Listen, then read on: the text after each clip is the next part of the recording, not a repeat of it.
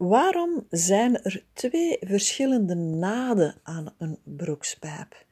En met naden bedoel ik dan de zijnaden. Want bij een sportieve broek zal je zien dat die zijnaad aan de buitenzijde, namelijk de buitenbeennaad, anders is dan aan de binnenzijde, de binnenbeennaad.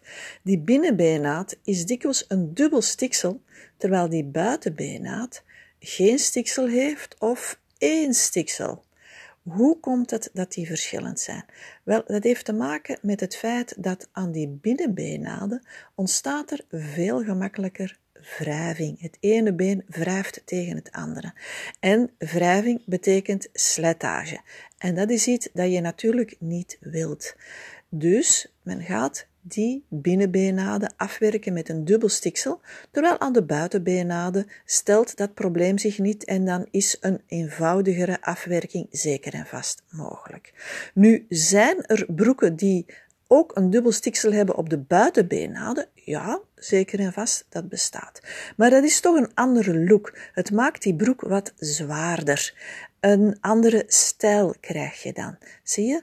Dus voilà, dat is de reden waarom die twee naden verschillend zijn. Fijne dag nog.